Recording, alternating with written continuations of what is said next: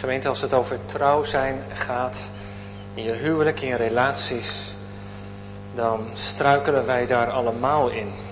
En daarom is het lied dat we als antwoord op de verkondiging zingen, ook lied 314 uit de evangelische liedbundel, Maak mij rein voor u, als een gebed.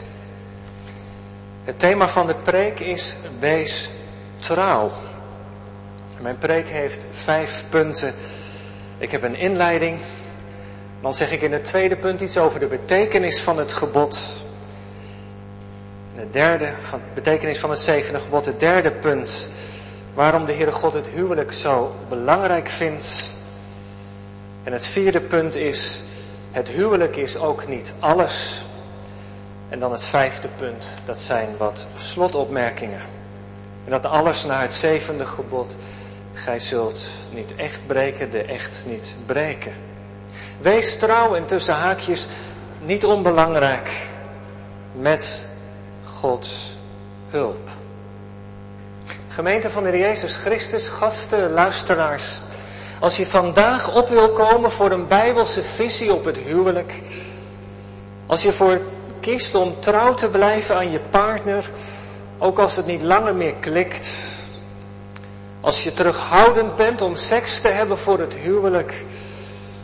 Als je voor kiest om niet samen te wonen, dan ben je gewoon niet meer van deze tijd. Voor veel mensen kom je dan van een andere planeet. Want het huwelijk is al lang niet meer de enige samenlevingsvorm. Je kunt een latrelatie hebben, apart wonen en toch iets samen hebben. Je kunt een visiting relatie hebben, dat je af en toe bij elkaar op bezoek gaat. Kunt een relatie hebben met twee personen, met drie personen. Vandaag de dag is elke vorm van relatie mogelijk en denkbaar. Je moet gewoon een vorm kiezen die het beste bij je past, waarin je tot je ontplooiing komt. Ik las het van een verhaal van een vrouw die geen vaste relatie meer had, want daar was ze niet zo goed in. Maar ondertussen voelde ze haar biologische klok wel voorttikken. En ze wilde zo graag haar moederwens nog één keer vervullen. En een vaste relatie wilde ze niet. Daar had ze genoeg van. En seks met een hetero man eigenlijk ook niet, want dan zou die zomaar verliefd op haar kunnen worden. En toen kwam ze in contact met een homostel dat ook een kind wilde. En ze heeft twee kinderen ter wereld gebracht, een van de ene man en een van de andere. En beide kinderen waren dan een paar dagen bij haar en een paar dagen bij dat stel. Tot volle tevredenheid van ieder.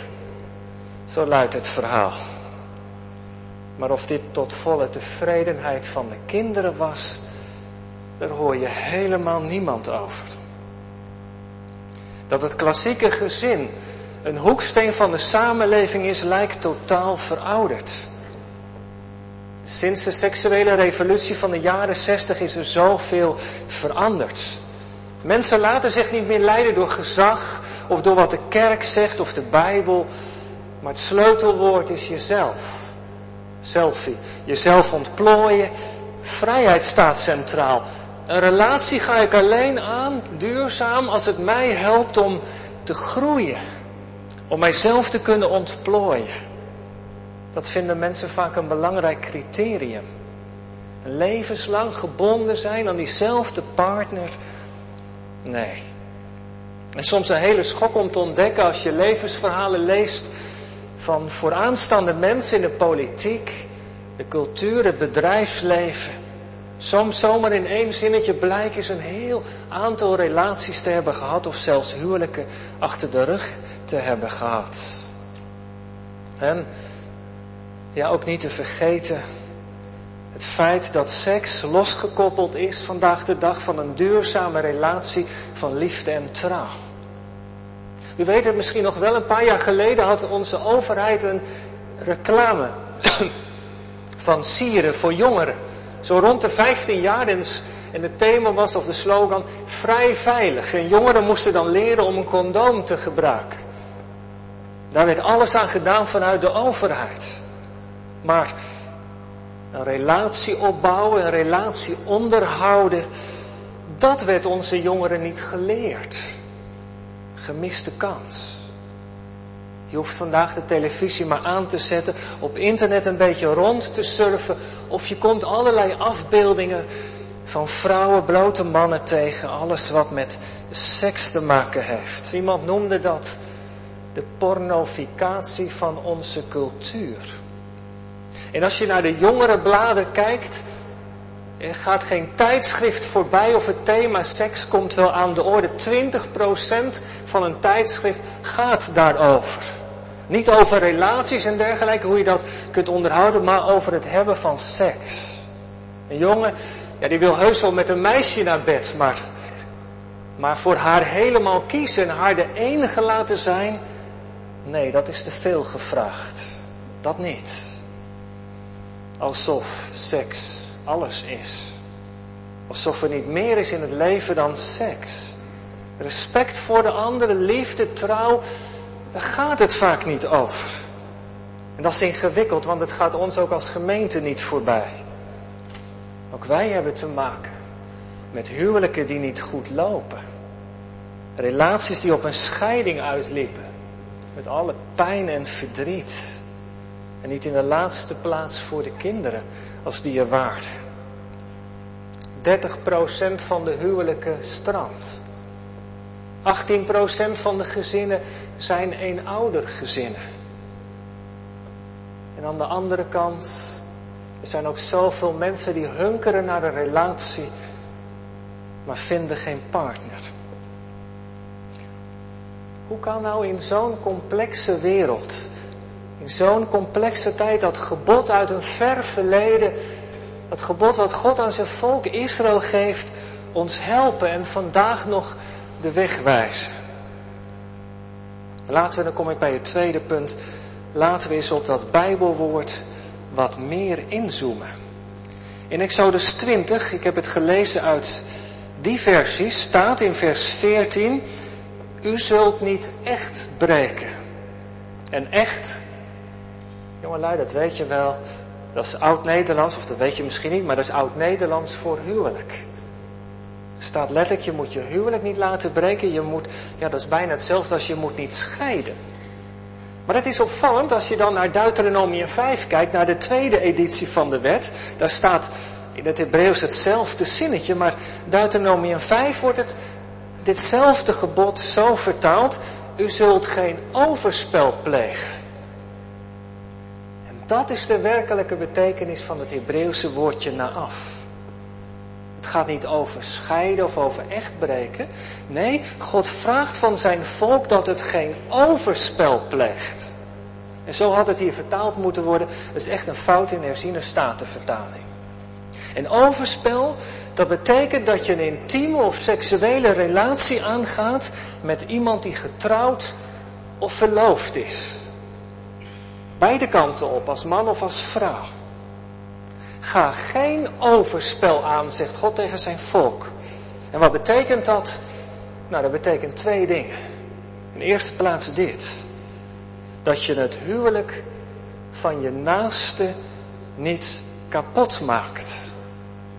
En dat is belangrijk. Het huwelijk van je naaste. Want daarover gaat het in de tien geboden. In die tweede tafel van de wet.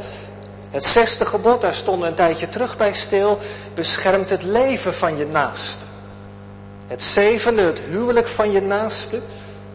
Het achtste, het bezit van je naaste. Het negende, de goede naam van je naaste.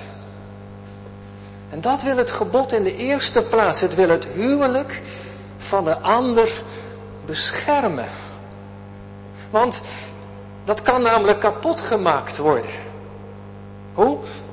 Nou, je kunt het huwelijk van een ander kapot maken door seks te hebben met de echtgenoot van die ander, van je naaste. En dat gebod geldt voor iedereen. Of je nu getrouwd bent of niet, je mag het huwelijk van een ander niet in gevaar brengen. En daarbij, dat begrijpen we, is het hebben van seks natuurlijk wel een hele duidelijke grens. Maar er zijn ook andere manieren waarop dat kan gebeuren. Hoe dan? Nou, je kunt sociaal of emotioneel heel intiem met elkaar omgaan. Je kunt met iemand flirten op je werk. Je kunt gevoelens van verliefdheid naar die collega zomaar voeding geven. Als het thuis allemaal niet zo lekker loopt, loop je soms dat risico. Zomaar met iemand op je werk of misschien moet je voor je, je bedrijf wel vaak op pad met een paar collega's. Je slaapt in, het, in hetzelfde hotel, er zijn getrouwde collega's, het klikt bijzonder, je hebt fijne gesprekken. En dan zegt dit gebod, let erop. Dat je het huwelijk van die ander niet in gevaar brengt. Pas ervoor op dat je zelf in situatie komt waar je over een grens gaat. God wil je daarvoor behoeden, wil het huwelijk van die ander behoeden. Ken jezelf goed, het vlees is zwak. En daarom heeft de Heer Jezus natuurlijk ook in de bergreden over dit gebod gesproken in het kader van de begeerte. Dat je verlangens hebt naar iets of naar iemand anders. Want begeerte, dat heeft met ontevredenheid te maken. Zo begint het vaak. Je bent ontevreden met je eigen relatie en dan gaan je blikken zomaar, dat kan tenminste, hoeft natuurlijk niet altijd, maar het kan gebeuren, naar buiten. Naar die ander. Veel problemen beginnen in ons hart en ook bij de verbeelding. En dan lijkt het gras bij die ander altijd groener en beter. Nee, zegt dit gebod, loop niet weg voor de problemen in je eigen relatie. En als je nou merkt dat je te veel voor iemand gaat voelen, kap dat dan af. Stoppen, zegt het gebod, doe dat niet. En als je er moeite mee hebt, heb dan de moed om het met iemand te bespreken. Zoek een goede vriend op, een ouderling of predikant, daar zijn we voor. En wat helemaal mooi is, maak het gewoon eens bespreekbaar met je man of je vrouw. Er is moed voor nodig, maar het is zo heilzaam. Pleeg geen overspel voor de Heere God en dat, dat blijkt uit de tien geboden, is het kapotmaken van de relatie of het huwelijk van iemand anders net zo erg als het doden van iemand. Het zevende gebod volgt direct op het zesde gebod. Voor de Heere God is er geen verschil. Nou, dat is het eerste het huwelijk van de ander. Maar natuurlijk heeft dit gebod ook te maken met je eigen huwelijk. Ook dat moet je niet in gevaar brengen. Seks hebben buiten je huwelijk vreemd gaan is vaak een laatste gevolg. Laatste stap van een proces dat al veel eerder is begonnen. Het is zaak om dat te herkennen. Als je getrouwd bent, zoals u hier zit, vanavond of meeluistert. Hoe, als nou even de tijd zou nemen om naar uw eigen relatie te kijken, hoe ziet die er dan uit? Ken je je man, je vrouw echt goed? Of ben je bezig uit elkaar te groeien? Dat kan ook. Deel je wel dingen met elkaar? Of leef je steeds meer je eigen leven? Als je terugkijkt naar het moment dat je getrouwd bent en nu, hoe is die relatie, hoe heeft die zich ontwikkeld? Ben je dichter naar elkaar toegekomen of is het een soort treinrails? Ben je verder van elkaar verwijderd?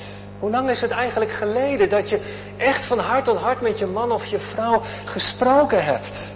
Over de dingen die je bezighouden, over je werk, de zorgen, de dingen met je collega, over je valkuilen bijvoorbeeld het leven met de Heer.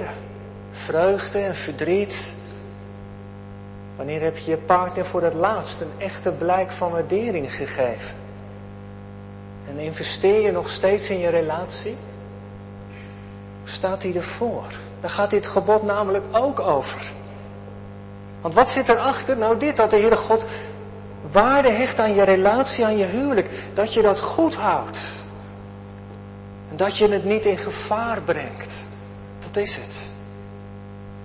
Want het verwaarlozen van je partner, het verraad van je echtgenoot voor een ander, dat neemt de Heere God hoog op. Dat ziet hij als verraad. In de relatie met Hem kom ik zo op terug. Die twee dingen hebben alles te maken hoe je in je huwelijksrelatie met elkaar omgaat, heeft directe consequenties voor je relatie met de Heere God. En het heeft zo ontzettend veel gevolgen. Als je flirt Als je die stap zet, als je vreemd gaat, schaadt dat het vertrouwen van je partner. En het is niet zomaar weer hersteld. En soms is het onherstelbaar beschadigd. En het heeft ook zoveel consequenties, als er kinderen zijn bijvoorbeeld. Die moeten ze nog geloven. En dat conflict van loyaliteit, wat je zo vaak bij kinderen ziet, moet ik nou voor mijn vader of voor mijn moeder kiezen? Dat kan ik niet. Die pijn die dat doet. En u weet er misschien van als het tot een scheiding kwam. Dat je ziet dat de schoolprestaties van je kinderen achteruit gaat, hoeveel impact het heeft. En als je erover leest, is een van de dingen die kinderen teruggeven, dat ze zich soms heel minder waardig voelen. Waarom dan? Nou, mijn ouders vonden ons niet de moeite waard om bij elkaar te blijven. Dit is wat. Ja, ik weet natuurlijk ook dat er situaties zijn dat een relatie echt niet meer te herstellen is. Zeker als er fysiek geweld is, als er mishandelingsspraak is, als er allerlei ingewikkelde dingen gebeuren, dan is het gewoon beter soms dat je uit elkaar gaat. Is een scheiding onvermijdelijk met alle pijn en verdriet. Maar wie komt er op voor het belang van de kinderen? Als de Heere God dat gebod geeft aan zijn volk, dan zit daarachter, en zo moet je dat ook horen, daar zit een enorme bewogenheid van God achter. Juist omdat Hij weet hoe kwetsbaar wij mensen zijn, hoe kwetsbaar kinderen zijn. Juist omdat hij als geen ander weet wat de gevolgen zijn van de zonde. En daarom doet hij een appel op zijn volk. Lieve mensen, wees trouw. Breek het huwelijk van die ander niet kapot. Maak ook je eigen huwelijk niet kapot. En als het echt niet meer gaat, zoek dan hulp. Vecht voor je relatie. En zoek niet pas hulp als het gewoon te laat is, maar veel eerder. Wees trouw aan elkaar. Doe het alsjeblieft niet in eigen kracht. Dat gaat nooit lukken. Maar de Heere wil je helpen in die lastige weg van herstel. Nou, dat was het tweede punt over dat gebod. Maar er ligt natuurlijk nog wel een vraag achter. Dat is het derde punt. Waarom is voor de Heere God het huwelijk zo belangrijk? Waarom hecht hij zoveel waarde aan het huwelijk van de ander, eerbied voor het huwelijk van de ander en aan het trouw zijn aan elkaar? Hierom, denk ik. Omdat de huwelijksrelatie lijkt op de relatie die wij mensen hebben met God.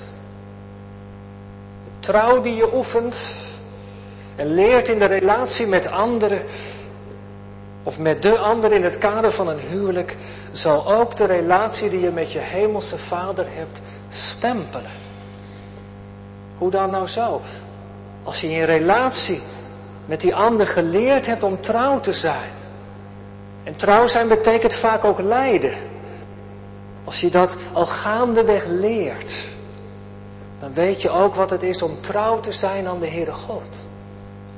En als je ontrouw bent aan die ander, dan zul je ook veel gemakkelijker ontrouw zijn aan de Heere God zelf. Daar ligt een band.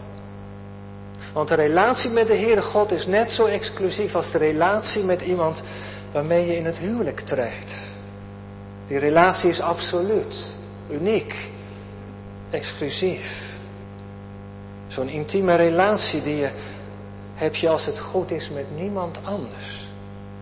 Je deelt alles met elkaar. Daarin ben je uitermate kwetsbaar, toch? Je geeft jezelf bloot in alle opzichten aan die ander. En die kwetsbaarheid kan zo gemakkelijk beschadigd worden. Als je jezelf hebt gegeven en je wordt door die ander in de steek gelaten, gaat niet in je koude kleren zitten. Maar trouw leer dus in die relatie. Huwelijk, in het huwelijk treden is mooi. Maar het is niet altijd, of misschien moeten we wel zeggen vaak niet gemakkelijk. Je krijgt er veel voor terug. Maar je moet er ook veel voor laten. Of niet? Je wordt gebonden. Je raakt je vrijheid kwijt. Je kunt niet zomaar alles doen wat je graag wilt. Je hebt altijd met die ander rekening te houden. Je bent nauw samen, dag in dag uit met, met die ander. Die heeft misschien wel heel andere gewoontes, heel andere verlangens, een heel ander, andere hobby. Of het gezin waar je beide uit kwam. Allemaal heel anders. Dat neem je allemaal mee als je trouwt. Of misschien heb je wel een heel verschillend karakter. De een is heel extrovert en jij bent introvert en dat botst gewoon soms. In elke relatie moet je een soort middenweg vinden, toch? Nou, ook weer niet je eigenheid verliezen. Nee, het is helemaal niet zo gemakkelijk om getrouwd te zijn. Het vraagt geduld. Wederzijdse aanpassing ook. Gesprek. Weten we toch alles van of niet? Het huwelijk is niet alleen een gave, maar het is ook een opgave. Ik zou zeggen, het is een dagelijkse en levenslange leerschool. Liefde en trouw moet je leren. Oefenen. Elke dag met die partner die je van God hebt gekregen. Dat gaat met vallen en opstaan. Er zijn dagen, weken dat het makkelijk is. Maar er kan ook momenten zijn dat het lastig is. Je moet er samen aan werken. Liefde kan niet van één kant komen, toch?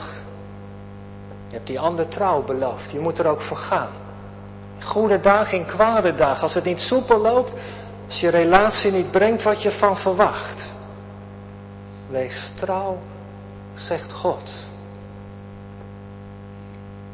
Is vandaag de dag wel extra moeilijk. culturele klimaat hebben we tegen. Dat maakt het er allemaal niet makkelijker op. Het gebod van de Heere God lijkt zo eenvoudig, maar we hebben er met elkaar onze handen aan vol. Vroeger was het toch veel makkelijker, of niet? Vroeger waren er ook slechte huwelijken, die toch levenslang stand hielden. De man was aan de drank. Elke vrijdag kreeg hij zijn loon uitbetaald. Hij ging ermee naar de kroeg, maakte zijn geld op aan de drank. Zijn vrouw en kinderen hadden die week geen geld om kleding en voedsel te kopen, om rond te komen, rekeningen te betalen, de huur. En toch bleven ze bij elkaar. De vrouw huilde vaak. Ze zocht een vriendin op om uit te huilen. Ze huilde als de ouderling op bezoek kwam. Maar ze bleven toch bij elkaar. Het is natuurlijk verschrikkelijk zo'n huwelijk. Je zou die man een schop onder zijn kont geven, maar dat werkt natuurlijk niet.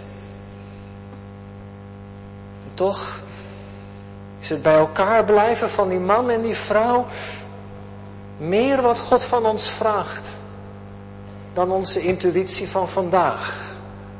Dat je er gewoon maar mee stopt. Nee, juist als het moeilijk wordt, moet je volhouden. Natuurlijk, die man moest breken met de drank. Hij moet gisteren nog mee stoppen. Zeker. Hij moest zich bekeren. Hij moest kiezen voor zijn vrouw en zijn gezin. Hij moest zijn verslaving aan de kant zetten. Hij moest hulp zoeken. Hij moest zijn verantwoordelijkheid nemen in het gezin.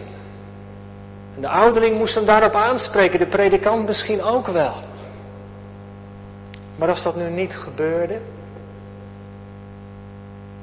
Zo is toch vaak ook het leven, of niet? Dat is de gebrokenheid. Dat is de worsteling die je hebt. Soms nemen mensen hun verantwoordelijkheid niet, ook niet in een relatie en een huwelijk. En dan is het lijden. Dan is het bitter zwaar. En soms slaat het leven je met tegenslag op tegenslag, ook in je huwelijk. En wat vraagt Jezus dan van je? Kruis dragen. Die smalle weg van het kruis. Daar spreekt Paulus ook over in Efeze 5. Ik kan dat stukje niet uitwerken. Dat zullen we met collega Batenburg een keer over hebben. Om wat langere serie te houden. Hebben we het ook over gehad in het kerkblad. Nu vanavond een, een enkele hoofdlijn. Maar als Paulus in dat stukje even spreekt over relatie tussen man en vrouw. Dan noemt hij het voorbeeld van de Heer Jezus. Vooral zegt hij dat tegen de man. Niet uitsluitend. De Heer Jezus die zich wegcijferde, die zich helemaal gaf voor zijn gemeente, die bereid was voor haar te sterven. Dat is wat God vraagt, die liefde. Trouw blijven betekent dan lijden aan je relatie. En dat is moeilijk, dat is zwaar. Maar weet er één ding. Het maakt je afhankelijk van de Heer. Van de Heer Jezus. Het brengt je dichter bij Hem. Hoe dan? Dan kijk, even naar onze heiland. Hoeveel redenen zou hij niet gehad hebben om tegen zijn vader te zeggen dat verbond met die mensen, laat maar. Voor mij hoeft het niet meer. Als ze echt niet trouw zijn en naar uw stem luisteren, dan hou ik ermee op. Voor mij hoeft het niet meer. Er zijn vele momenten dat onze heiland het moeilijk had. Dat hij van ons af wilde misschien. Maar hij deed het niet. Hij bleef trouw op zijn post. Tot het bittere einde. Hij gaf zijn relatie met ons niet op. Hoezeer wij hem verdriet deden door onze ontrouw en zonde. Hij blijft trouw. Wat doet hij nou? Hij vraagt van ons ook om trouw te zijn. Aan die ander. Hoe moeilijk dat ook is. In eigen kracht niet, nee. Alleen maar in zijn kracht. Onze heiland, als je zijn levensverhaal leest, moest het ook hebben van de kracht van de Heilige Geest. En dat is bij ons niet anders. God verwacht dat wij in onze relaties iets laten zien van wat liefde en trouw is. Daarom hecht hij aan het huwelijk, omdat we daarin leren trouw te zijn aan die ander. En dat geldt ook voor relaties in het algemeen. Maar zeker ook voor het huwelijk, omdat die relatie nog dieper, nog inniger is. Zoals de Heer met ons omgaat, vraagt Hij aan ons dat wij ook met die ander omgaan. Zoals Hij met ons liefdevol en trouw is, zegt Hij ook tegen ons, wees trouw. In mijn kracht. Dat is het derde punt. Dan kom ik bij het vierde punt. Heere God vindt het huwelijk belangrijk, maar het huwelijk is ook niet alles. Ja, we hebben gezien dat het huwelijk voor de Heere God belangrijk is. Het is een leerschool van liefde en trouw. Het is een plek waar als er kinderen zijn, vrezen des Heeren, de omgang met God geleerd kan worden. Moet je zuinig op zijn. Daar moet je ook echt voor knokken. En je moet het huwelijk van de ander en je eigen huwelijk niet in gevaar brengen. Maar ik moet er wel iets aan toevoegen vanavond. Het huwelijk is mooi. Als je iemand vindt. Als je daadwerkelijk kunt trouwen. Maar het huwelijk is niet alles. Het is niet het hoogste ideaal. Want het is de Heer Jezus zelf, wist u dat? Toen hij op aarde was, heeft hij het duidelijk gemaakt. Het huwelijk, dat hoort bij deze aardse bedeling. De kinderen van deze wereld trouwen, zegt de Heer Jezus. En worden ten huwelijk gegeven. Lucas 20. Maar zij die de nieuwe wereld van God binnengaan, koninkrijk, daar zullen ze niet meer trouwen, zullen kinderen niet een huwelijk gegeven worden. Ze zullen zijn als engelen in de hemel. Dat is ook veelzeggend. Natuurlijk, in de nieuwe wereld van God die je gaat komen, zul je elkaar herkennen. Dat zeker, gelukkig wel. Maar de aardse banden, die zijn niet meer zo belangrijk. Er is maar één band waar alles om draait. Dat is de band met de heiland. Straks in de hemel is hij het stralende middelpunt. We zullen de ander, waarmee je misschien op aarde getrouwd was, zeker wel herkennen. Maar de liefde tot de Heer Jezus, die staat dan in het middelpunt. Want in Hem vinden wij onze bestemming en voldoening. Maar niet alleen straks, ook nu al. Zie je ook iets van in het Nieuwe Testament. Het ongehuwd blijven. En een leven ten dienste van het Koninkrijk. Ja, dat is eigenlijk het hoogste ideaal. Gezin en huwelijk zijn belangrijk, maar niet alles. Dat je vrij bent. Single bent voor het koninkrijk van God. Misschien is dat iets wat je vanavond mee kunt nemen. Als je niet getrouwd bent, als je niet die, die ander, geen andere partner hebt gevonden. Misschien wel als je tegen wil en dank single bent. Dat je niemand vond. Of omdat je anders geaard bleek te zijn. Je bent misschien wel verdrietig. Maar je bent niet zielig hoor.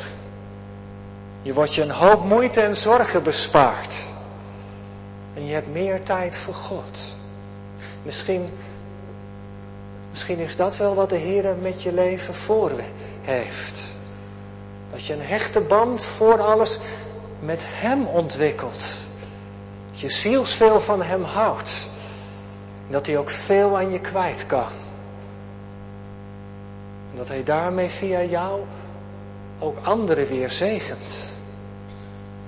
En ik hoop en bid dat in die grote kring van de gemeente er mensen zijn. Dat je echte vriendschappen op kunt doen. Mensen met wie je van hart tot hart kunt praten. Als je single bent.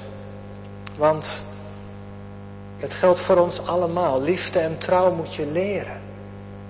Dat je een relatie hebt waar die ander ook je bevraagt, je corrigeert. Zodat je dat leert wat trouw zijn is. Want dat is winst voor de relatie met de Heere God. Gemeente, ik ga afronden. Misschien dit appel. Laten we die liefde en trouw die wij van de Heere hebben ontvangen ook naar elkaar toe oefenen. Laten we mild zijn naar mensen van wie het huwelijk stuk brak. Vriendelijk naar alleenstaan. Liefdevol naar mensen die worstelen met een geaardheid. Ja, ook gemeente zijn is een oefenschool. Om elkaar aan te scherpen. Om met de ogen van de Heer Jezus naar die ander te kijken. Zoals Hij genadig is naar mij. Dat de geest me leert om ook genadig te zijn naar die ander. Die misschien heel anders is dan ik. En laten we niet vergeten voor elkaar te bidden. Bid samen voor je huwelijk.